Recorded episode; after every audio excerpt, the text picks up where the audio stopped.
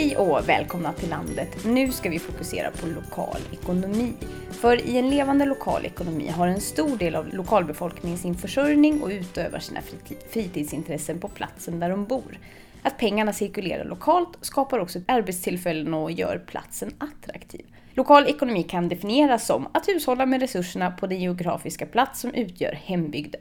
Men vad är inte lokal ekonomi? Och hur fungerar lokal ekonomi i praktiken? Och vad kan du och jag själva göra för att stärka den lokala ekonomin på hemmaplan? Det ska vi reda ut idag. Och med mig så har jag Ylva Lundqvist Frid. Du är ekonomhistoriker och lokalekonomisamordnare på Hela Sverige ska leva. Välkommen! Tack! Den här eh, definitionen jag använde här om att eh, hushålla med resurserna på den geografiska plats som utgör hembygden. Det, det är din definition av lokal ekonomi. Jag snodde den rakt av. Det är så jag sammanfattat den kunskap som andra har producerat, kan jag ja. väl säga. Ja. ja. Så vad är lokal ekonomi? Om man ska berätta om det kanske lite mer än bara en mening. Ja, eh, oj, lokal ekonomi, det är vad man gör det till. Det är ju så olika i, i, på, från plats till plats, helt enkelt. Nej, men man kan tänka sig eh, dels finns det ju en idé som handlar om att man ska liksom få pengarna att cirkulera som i ett kretslopp lokalt mer. Då Kan det handla om att eh, lanthandeln kanske ska sälja produkter som är producerade av bönder i området och bönderna i området kanske ska handla sitt toapapper hos lanthandeln och inte i storköpet inne i storstan. Eh, så stärker man det här kretsloppet. Ett annat sätt att se på det är att, att stärka den lokala ekonomin. Det handlar om att förbättra bytesbalansen med omvärlden. Inte lika så här kanske lokalpatriotiskt men eh, att det ska finnas ett utbyte. Att om vi har en situation i en bygd där allt vi köper kommer från andra platser, då innebär ju det att det kanske inte finns underlag för företagande lokalt. Men eh, om det nu är så att vi behöver köpa bilen eller cykeln i närmsta storstad så kanske vi har någonting att erbjuda till, till närmsta storstad också. Det kanske kan vara så att invånarna där skulle kunna komma till vårt lokalsamhälle och turista eller ha upplevelser eller ta del av någonting som vi producerar. Så att vi på så vis får en, en handelsbalans med omvärlden. Just det. För annars så hämtar vi liksom pengarna någon annanstans och vi gör åt pengarna någon annanstans men vi får aldrig mm. något inflöde Nej. just till där vi bor. Och då förvandlas ju den ort man bor på till en sovort helt enkelt där man måste pendla därifrån för att delta i ekonomin. Just det. För när pengarna snurrar i ett litet eh, samhälle lokalt, hur syns det på det samhället att här finns det pengar som snurrar runt? Det kan ju synas på att eh, den lokala butiken finns kvar till exempel. Eh, man kanske har en frisörsalong, man kanske har ett bageri. Man har helt enkelt levande, fungerande företag.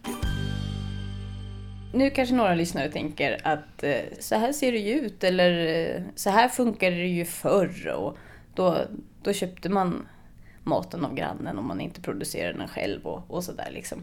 Men, men det här begreppet lokal ekonomi, är det ett nytt begrepp eller är det, är det mer än så? Um det lanserades väl i Sverige i, eh, mycket i ett projekt som hette lokalekonomi.nu som var 2003. De här idéerna har ju funnits i England och USA längre tillbaks. Eh, men sen 2003 ungefär har man jobbat i Sverige med att liksom skapa en förståelse och kunskap kring vad det här begreppet innebär. Och det finns ju i relation mycket till nationalekonomi, som ju är det som är liksom gällande. Eh, men inom nationalekonomin då ser man ju på hela nationen. Och de enskilda platserna spelar egentligen ingen roll, utan så länge vi har tillväxt i nationen Sverige så mår Sverige bra. Oavsett om det är så att det finns vissa delar av landet där man har en negativ tillväxt och avfolkning och så vidare. Eh, så därför tycker vi att det är viktigt att för, för individen så är ju platsen där man lever och verkar otroligt viktig. Ehm, och då behöver vi liksom eh, formulera sätt att tänka kring det här och resonera och, och förstå hur man ska hantera den lokala ekonomin. Mm. Vad är inte lokal ekonomi då? Ja, eh, den globala ekonomin är ju inte nödvändigtvis lokal. Eh, till exempel så här kan man fundera på de kläder man har på kroppen. Kan jag fråga dig så här. Eh, vet du vem det är som har sytt din klänning åt dig? Nej, jag har ju ingen aning om det. Nej. eh, har du någon aning om eh, den personen som gjorde det, gjorde det under schyssta förhållanden? Eh, vet du, kan du garantera att det inte var ett barn som sydde klänningen åt dig? Nej, och det är ju väldigt svårt att svara Mm, nej mm. på den frågan när man inte Mm. har sett personen. Nej men precis. Och det hoppas. tänker jag att det är ju den globala ekonomin. Medan i den lokala ekonomin, eh, jag har till exempel ett plagg hemma som jag inte har på mig just nu, men eh, en hampatröja som eh, ett lokalt företag som heter Hampisfären har producerat. Och då är det eh, Johannes i byn som eh, åker till Rumänien och eh, är med och är med under hela produktionsprocessen och det här är en person som jag vet att han bryr sig mycket om rättvisa och jämlikhet. Och när jag har på mig den tröjan, som jag har köpt lokalt då, hemma i Stjärnsund, då kan jag känna mig trygg med att det har skett under goda förhållanden. Så den här tröjan då, även om den inte är producerad i Sverige så kan den räknas som lokal ekonomi? Jag skulle säga att den lokala ingrediensen i den här stora produktionsprocessen eh, hjälp, hjälper mig att få insyn eh, och eh, ja, veta mer. Eh, det, det finns eh, en ingrediens av social kontroll som inte direkt finns i den helt den liksom bara globaliserade ekonomin. Om man säger så. Den, den helt globaliserade ekonomin saknar delvis mänskliga relationer. Men i, även om den här tröjan då delvis producerades i Rumänien så finns det ett led av sociala relationer som, som väl är väldigt typiskt för en lokal ekonomi. Men du nämnde ju innan också att eh, till exempel den nationella ekonomin, man pratar om att Sverige går bra, allt som mår Sverige bra och sådär. Skulle du säga att vi behöver bli bättre på att lyfta in lokalekonomiska perspektiv i den nationella ekonomiska politiken? Absolut. Annars så tror jag vi riskerar att många människor upplever sig som exkluderade eller eh, att leva i någon typ av utanförskap för att makthavarna inte ser en. Man blir, man blir osynliggjord i de ekonomiska modeller man använder sig av. Du brukar prata om lokalekonomisk analys som ett sätt att eh, synliggöra bygdernas olika lokala resurser och utvecklingspotential. Eh, Kan du berätta kort vad en sån analys innebär i praktiken? Mm. Det är en metod. Eh, och det finns en metodbok som man kan ladda hem ifrån friametoder.se. Och det är en metod där man beställer statistik från SCB. Där man får jättemycket fakta om eh, ens lokalsamhälle. Man får själv ringa in på en karta vad, vilket område som statistiken ska vara hämtad från. Och så använder man den statistiken och samlar in eh, ja, lokal kunskap. Man talar med företagarna om hur det går för deras företag. Och så gör man en lokal handelsbalans. Och eh, det är många som tycker att det här är ett väldigt bra sätt att synliggöra resurserna och skapa eh, underlag för samtal. Eh, och att bättre förstå vad, att det faktiskt spelar stor roll vad jag själv väljer att konsumera. Och eh, det blir också tydligt vad det finns för möjligheter att starta nya företag. Eh, om det finns vissa produkter som folk lägger mycket pengar på men som inte produceras lokalt. Eh, då kanske det finns utrymme för, för företag inom den branschen till exempel. Det. Så att, men den här statistiken, då kan det handla om vilka typer av branscher som det finns flest företag i. Men det kan också handla om att man eh, tittar på hur många människor bor det här i arbetsför ålder och Mm. hur många är pensionärer och den typen Mm. av grejer också eller? Hur mycket pengar tjänar vi sammanlagt i våran bygd? Hur stor andel av invånarna pendlar ut från om- området för att eh, jobba? Eh, väldigt detaljerat vad vi lägger pengar på. Hur, hur många kronor lägger vi i bygden på frukt och grönt? Hur mycket pengar lägger vi i bygden på bröd? Och då kan man ju se, oj, i den här bygden lägger vi ju sammantaget flera miljoner på bröd. Och varför ska då konditorn i, i byn sitta och, och pendla en timme till närmsta stad för att jobba på bageri där. När det kanske skulle kunna funka faktiskt att, att ha ett konditori här. Men nu är vi ju liksom nere på en jättedetaljnivå Mm. och det låter ju som att den här metoden innebär en hel del arbete. Mm. Om man ska intervjua företagare och hela konkarongen. Är det värt det?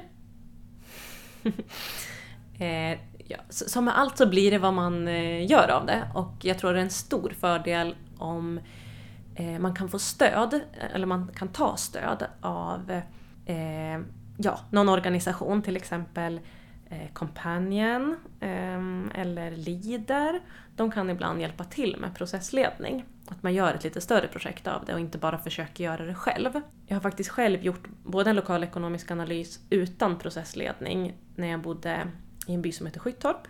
Och det var ganska svårt och det var svårt att liksom, försöka övertala sina grannar om att de skulle komma på träffarna och att entusiasmera folk. Och nu har vi gjort en där jag bor nu då, i Stjärnsund och då har Companion varit processledare. Och det är så mycket lättare att, att det är någon annan som kommer och ger ett erbjudande.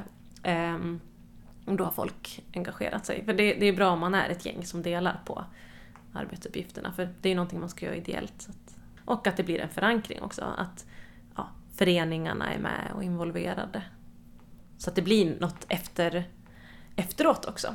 För det ska resultera i en handlingsplan. Och då är det ju några som ska vilja utföra den där handlingsplanen efteråt också. Just det, till exempel att eh, hitta en lokal för att starta bageriet. Ja. För att tjäna pengar så måste man ha pengar, sägs det. Eh, Så om jag som lyssnare känner att det här låter spännande, hur börjar jag finansiellt? Är du med på vad jag menar? Mm. Eh, det finns en annan metod, eh, handbok i lokal finansiering, som är ett bra tips. För där eh, går vi igenom verkligen så här, i detalj vad, vad vill du göra? Vilken typ av organisation skulle vara lämplig för att göra det du vill göra?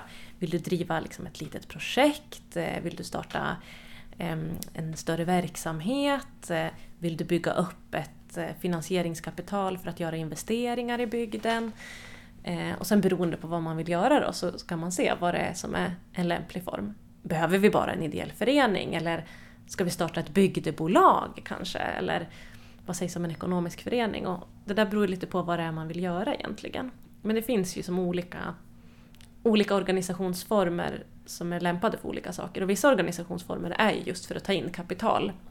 Det finns någonting som heter mikrofonder och sånt där också har jag hört talas om. Och som jag vet är väldigt vanligt när man pratar om bistånd. Mm. Eh, så är det mycket mikrolån och sånt här för Mm. att kunna främja lokal utveckling i Afrika och sånt där.